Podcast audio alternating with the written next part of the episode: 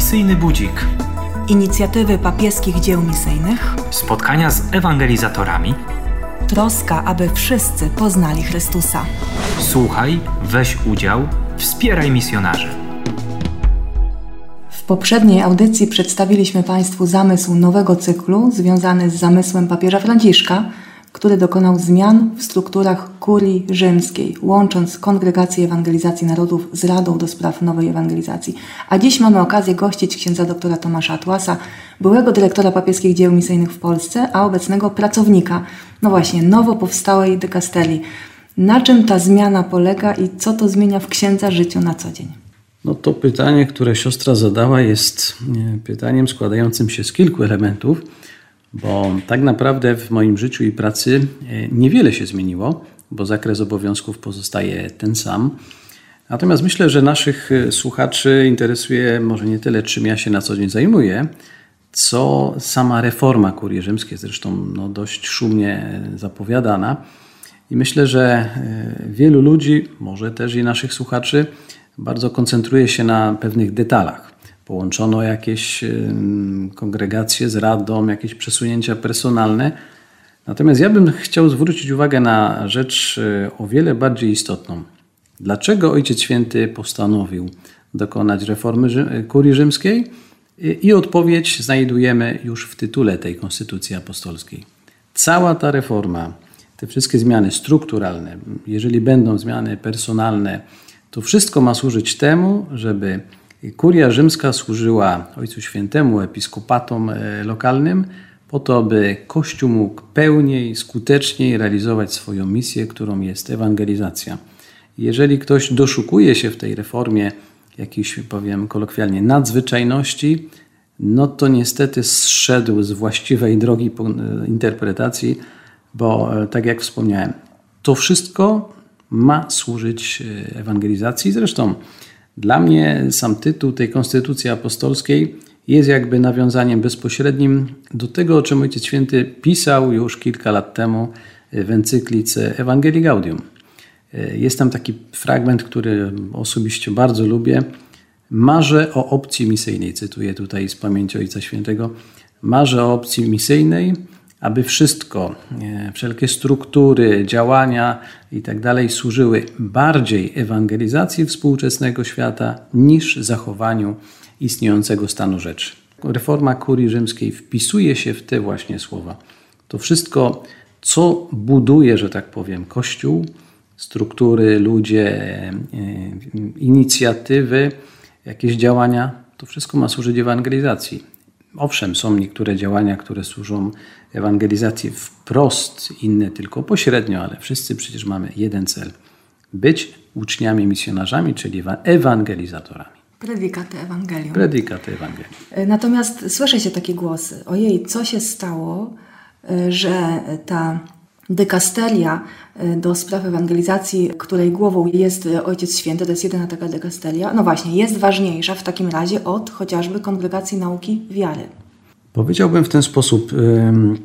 Warto zwrócić uwagę, że poza sekretariatem stanu wszystkie dotychczasowe kongregacje, rady itd. Tak otrzymały tę samą nazwę dykasteria. Myślę, że to pokazuje, że mamy różne kompetencje, ale mm, w realizacji tego samego zadania. I nie sądzę, żeby można było powiedzieć, że ta dykasteria jest ważniejsza niż ta, chociaż tak jak y, siostra wspomniała, Ojciec Święty zastrzegł sobie, że on osobiście kieruje dykasterią do sprawy ewangelizacji, co, tak jak wspominaliśmy przed chwilą, podkreśla, jak bardzo Ojcu Świętemu leży na sercu ewangelizacja. Nie sądzę jednak, żeby można było interpretować ten fakt, że pierwsi jesteśmy my, nasza dykasteria. Nie. Trochę pokory nam naprawdę jest potrzebna. Ta pokora wynika z samego korzenia naszego chrześcijaństwa, to znaczy z tajemnicy chrztu jeśli jesteśmy uczniami i misjonarzami, to musimy trwać w ciągłym nawracaniu. Co to jest nawrócenie misyjne, o którym Ojciec Święty mówi? W najprostszych słowach nawrócenie misyjne można by scharakteryzować następująco.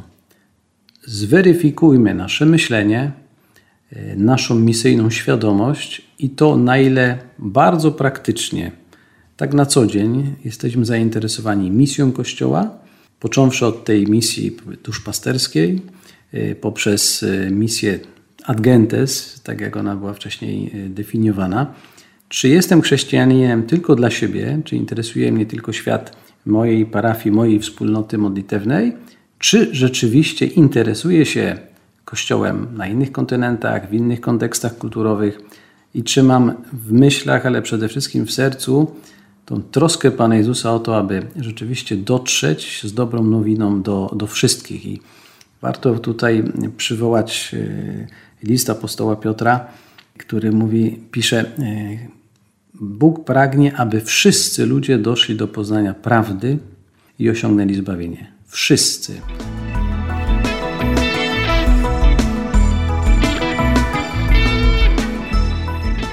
I to jest zadanie, które Jezus zostawił Kościołowi, a my jesteśmy wszyscy Kościołem. Nie ma specjalistów od ewangelizacji, nie ma tylko grupki y, gorliwych misjonarzy. Wszyscy mamy swój udział. Y, ja chyba nawet na antenie kiedyś y, przywoływałem taki przykład, że całe dzieło misyjne Kościoła można porównać do ludzkiego organizmu. Głową są pasterze Kościoła, którzy nauczają, przypominają o ewangelizacji, o misji Kościoła, o celu istnienia Kościoła. Krwiobiegiem i sercem są ci, którzy się za misję modlą, którzy ofiarują swoje dary duchowe, umartwienia. Nogami są misjonarze, idący na tak zwane krańce świata, a rękoma są ci, którzy wspierają misję materialnie. A zatem w tym misyjnym organizmie każdy z nas ma swoje miejsce, każdy bez wyjątku. I warto przywołać tu słowa Ojca Świętego Franciszka do młodych Chilijczyków, kiedy mówił, że nikt z nas nie jest tak ubogi, żeby nie mógł się podzielić z tymi, którzy potrzebują.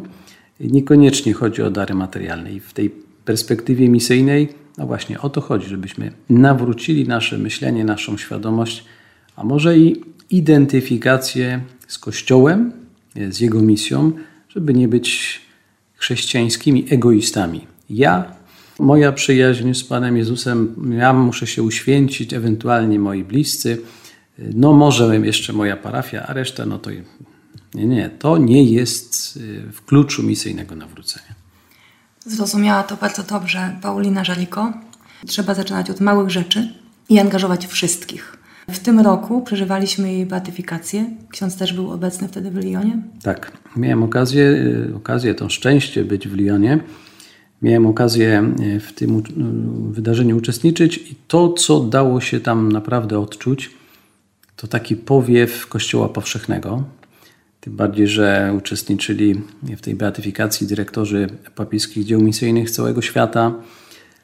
Osobiście też za łaskę uznaję to, że mogłem wysłuchać e, świadectwa rodziny Tran, rodziców dziewczynki, która została uzdrowiona za wstawiennictwem dzisiaj błogosławionej Pauliny Żariko.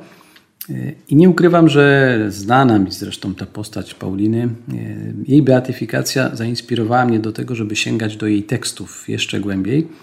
I nawet kilka dni temu e, wpadł mi w ręce, że tak powiem, taki tekst. Łatwo jest e, oddać swoje życie w męczeństwie, ale o wiele trudniej jest ofiarowywać swoje życie dzień po dniu. myślę, że to jest taki, taka dobra wskazówka dla nas wszystkich. Łatwo snuć plany o wielkości? Nie. Chrystus wymaga naszej wierności, naszej konsekwencji, naszego misyjnego zaangażowania właśnie dzień po dniu z ofiarowaniem siebie w tej perspektywie duchowej, materialnej, bycia apostołem misyjnym. No, każdy, tak jak wspominałem, w tym misyjnym organizmie może się z łatwością odnaleźć. W tym misyjnym organizmie bardzo ważną rolę pełnią um, chorzy, cierpiący, ci, którzy ofiarują za misję E, swoje trudności życiowe, właśnie swoje cierpienie, chorobę.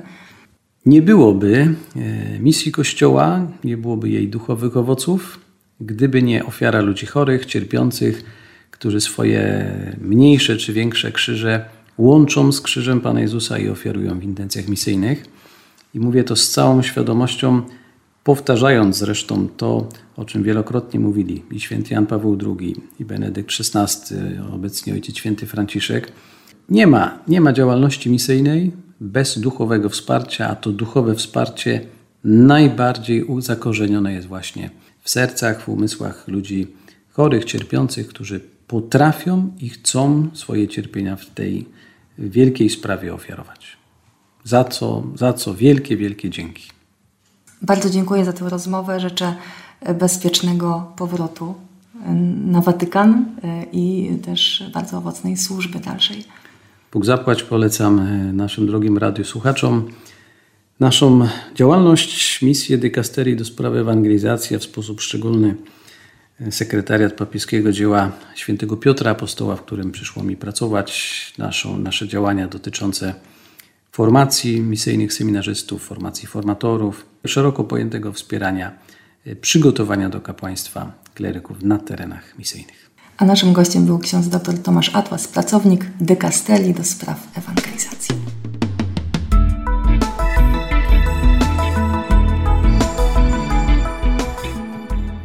W drugiej części naszej audycji przypomnę Państwu o pewnym bezprecedensowym wydarzeniu, które już niebawem będzie miało miejsce na kampusie Uniwersytetu Kardynała Stefana Wyszyńskiego w Warszawie. Chodzi oczywiście o misyjny synod dzieci. Już 17 września w sobotę to wielkie wydarzenie, które pokaże nam różnorodność dziecięcego zaangażowania i także poświęcenie rodziców i wychowawców w to dzieło formacji misyjnej. Reportaż z tego wydarzenia oczywiście zaprezentuję Państwu w ramach misyjnego budzika w drugiej połowie września. Tymczasem o samym wydarzeniu przypomni nam jedna z głównych organizatorek. Sekretarz papieskich dzieł misyjnych dzieci, siostra dr Monika Juszka, siostra Maryi Niepokalanej, misjonarka Klaretynka. Ten rok ostatni był bardzo intensywny przygotowań do synodu. Spływały do nas karty diecezji, co takiego misyjnego dzieciaki robią w diecezjach. Spływały do nas filmiki tego, co misyjnego dzieciaki robią w diecezjach. Delegaci na synod szczególnie, ale nie tylko. Wszystkie dzieciaki misyjnie zaangażowane w diecezjach uczyły się hymnu synodalnego z gestami, z pokazywaniem, razem z tańcem. Wszystko było bardzo dużo pracy. I chociaż zaczęły się wakacje, to synod już, już, już za chwileczkę. Zapraszamy serdecznie. To będzie bardzo misyjna sobota w Warszawie na Dewajtis w siedzibie e, Uniwersytetu Kardynała Stefana Wyszyńskiego. Będzie czas oczywiście na modlitwę za misję i misjonarzy. Mszy Świętej będzie przewodniczył ksiądz nuncjusz apostolski, arcybiskup Salvatore Pennacchio. No to jest przedstawiciel Ojca Świętego, czyli no, naszego szefa i tych wszystkich, którzy są zaangażowani w papieskie dzieła misyjne. Gościem będzie siostra Roberta Tremarelli, czyli siostra, która jest sekretarzem generalnym papieskiego dzieła misyjnego dzieci. Przyjeżdża specjalnie do nas na ten misyjny synod. Mamy przewidziane dużo czasu też na zabawę, na wspólne śpiewanie, na stanowiska zabaw z wolontariuszami misyjnymi.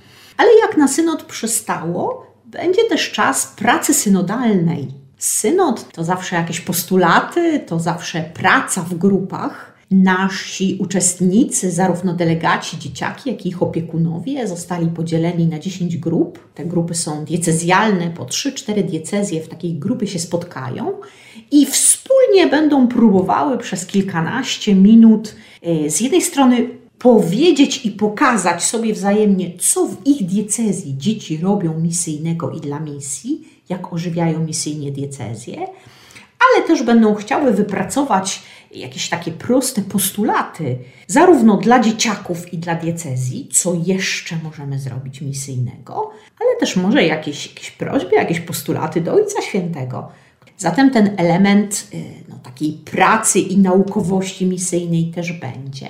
Dlatego też na siedzibę wybraliśmy uniwersytet. Pragniemy, y, żeby no, dzieciaki zobaczyły uniwersytet, żeby się poczuły, że to nie jest taka sobie tylko zabawa, ale chcemy mieć dobre podstawy, podstawy misjologiczne, podstawy teologiczne bo to, że to dzieciaki się angażują w, w dzieło misyjne, to nie znaczy, że to ma być jakieś infantylne, płytkie. Wręcz przeciwnie, nasze dzieciaki z ognisk misyjnych świetnie wpisują się w tę misjologię, w tę naukową część misjologii. Wszystkich zapraszamy do śledzenia tego, co się będzie działo, do śledzenia na naszych portalach e, internetowych, na mediach społecznościowych papieskich dzieł misyjnych. Nie zapominajcie o naszych audycjach. Budzimy siebie i innych do misji od września na nowo na radiowych falach. Siostra Monika Juszka zachęciła nas do zaangażowania w sprawy ewangelizacji, także dzięki współpracy z papieskimi dziełami misyjnymi. A jeśli chodzi o taką właśnie współpracę, to zapraszam na naszą stronę internetową www.misio.org.pl. Tam można znaleźć informacje o naszej nowej inicjatywie zatytułowanej Firma z misją. Misyjny budzik. Inicjatywy papieskich dzieł misyjnych. Spotkania z ewangelizatorami. Troska o to, by wszyscy poznali Chrystusa. Słuchaj, weź udział, wspieraj misjonarzy.